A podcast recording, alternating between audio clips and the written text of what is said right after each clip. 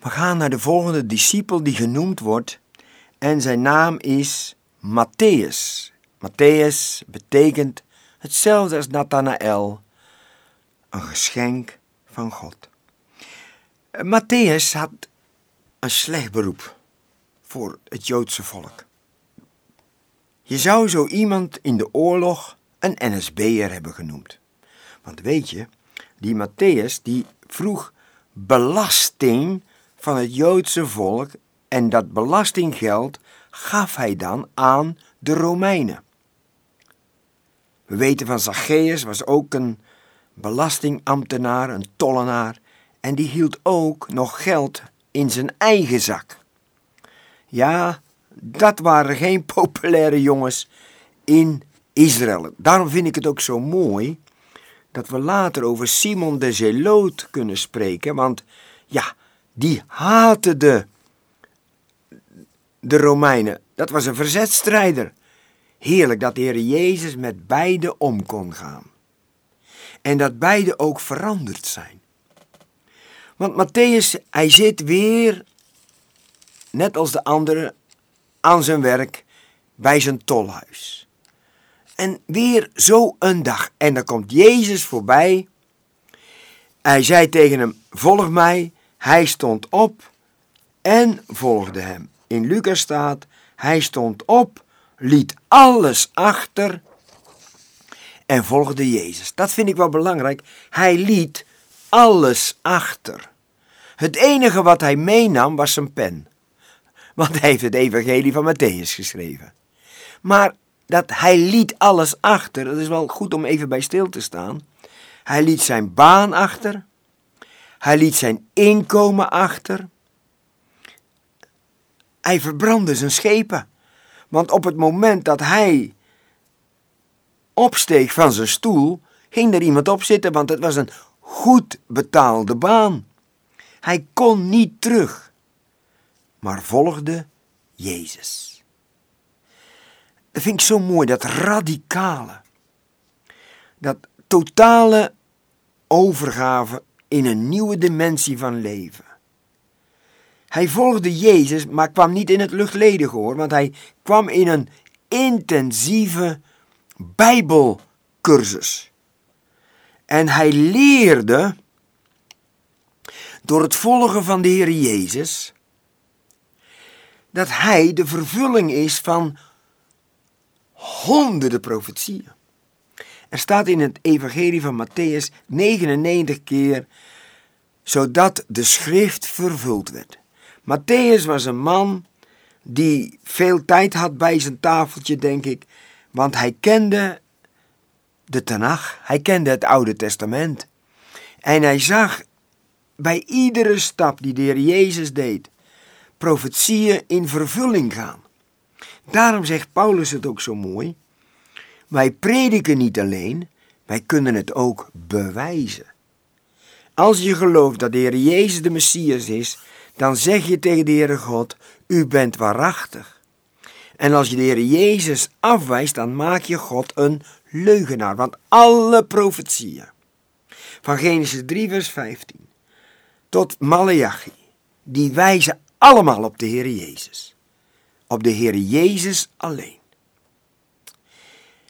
Het eerste wat Matthäus doet, en daar zie je alweer die verandering, hij introduceert zijn vrienden bij de Heer Jezus. Ik zal het lezen. En het gebeurde toen hij in het huis van Matthäus aanlag, zie veel tollenaars en zonders kwamen en lagen met Jezus en zijn discipelen aan. En toen de fariseeën dat zagen, zeiden ze tegen zijn discipelen, waarom eet uw meester met de tollenaars en de zondaars? Maar Jezus, die dat hoorde, zei tegen hen, wie gezond zijn, hebben geen dokter nodig, maar wie ziek zijn, ik ga heen. Ik leer wat het betekent. Ik wil barmhartigheid en geen offer. Ik ben niet gekomen om rechtvaardigen tot bekering te roepen, maar zondaars. Waarom waren alleen maar tollenaars en zondaars in dat huis van Matthäus? Wel heel eenvoudig. Dat waren de enigste vrienden die hij had. Hij had verder geen vrienden in Israël. alleen zijn clubje die hetzelfde werk deden. Maar hij doet iets belangrijks. Hij introduceert ze aan de Heer Jezus. We kunnen zoveel geven aan andere mensen als we uit de duisternis gekomen zijn. Weet je, hij rende achter het goud, maar hij volgde daarna God. Is maar één letter, van gold naar God, maar het veranderde zijn hele prioriteit. En dat vind ik zo heerlijk, zo'n man die radicaal, die radicaal tot bekering komt.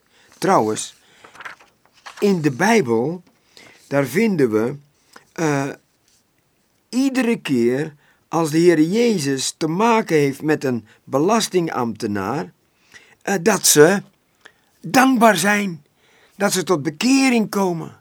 Er zijn een stel melaatsen en die komen tot bekering. En er zijn zieken en die komen tot gezondheid. Er zijn zondaars en die komen tot genezing. En dat vind ik zo heerlijk. Dat die houding van die tollenaar. Dat is een houding waardoor de Heer Jezus verder kan. Er is een moment dat een vrome religieus staat te bidden samen met zo'n tollenaar. En die zondaar die, die slaat zich op de borst en die roept, o Heere, wees mij zondaar genadig. En hij ging blij naar huis. Die ander, die bad tot zichzelf. En één ding wil ik nog zeggen vandaag.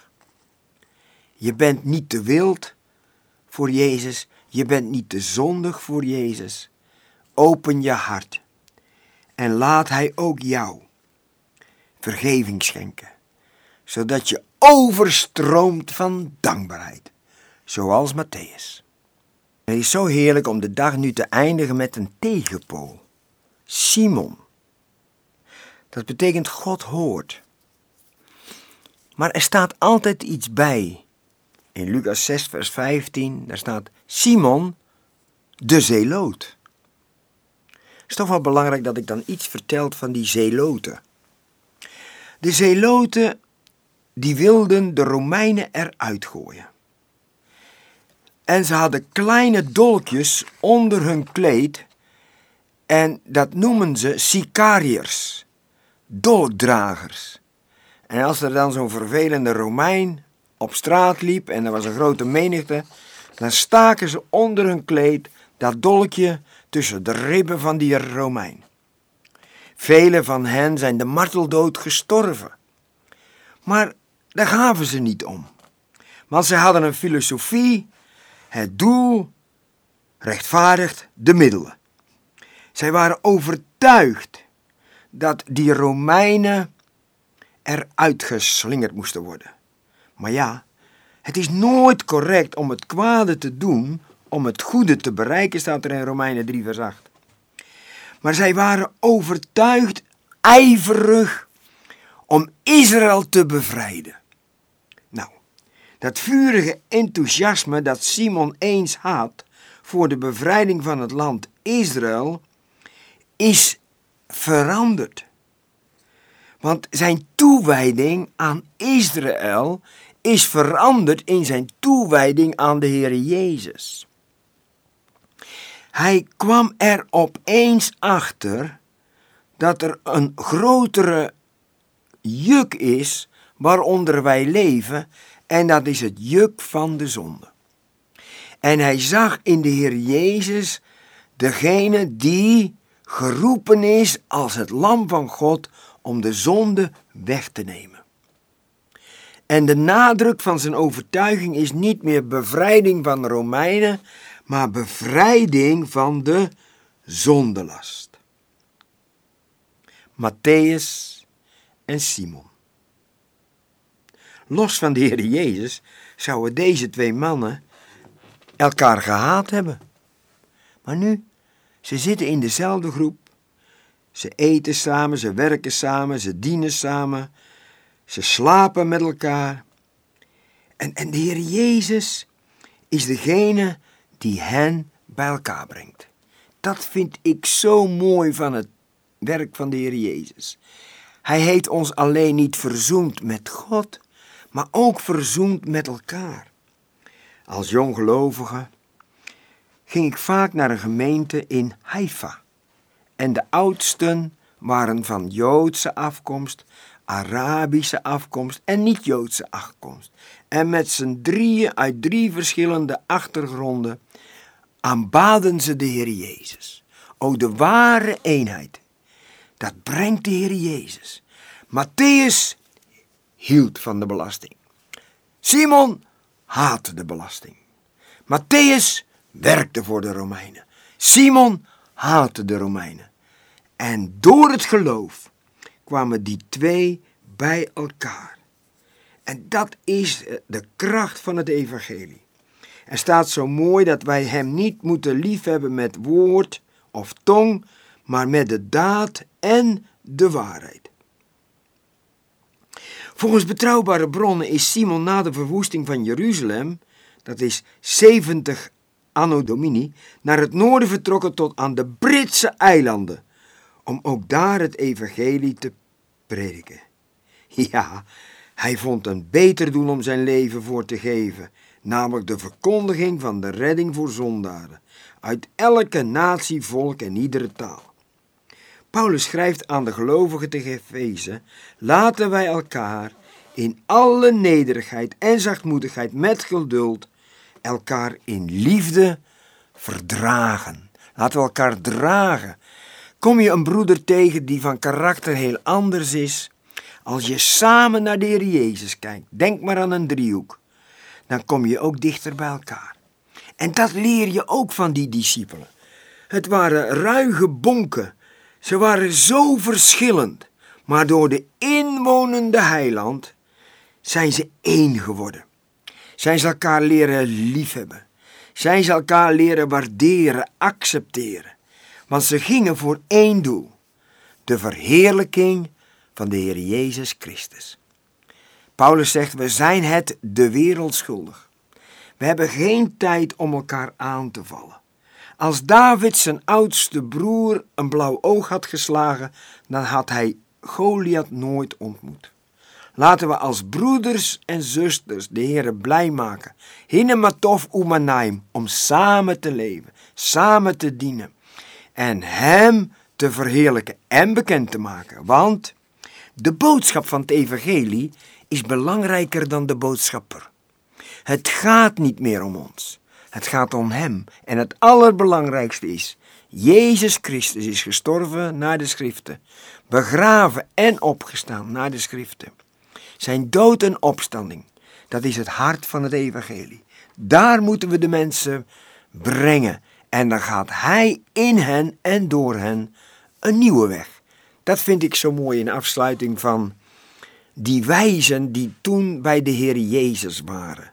Er staat zo mooi, nadat ze bij de Heer Jezus geweest waren, gingen zij een andere weg. En dat is de boodschap van het Evangelie. Een andere weg, een hogere weg, een heerlijke weg. Een weg die uitkomt in de hemel. En dat gun ik jullie. Kom, laten we op reis gaan.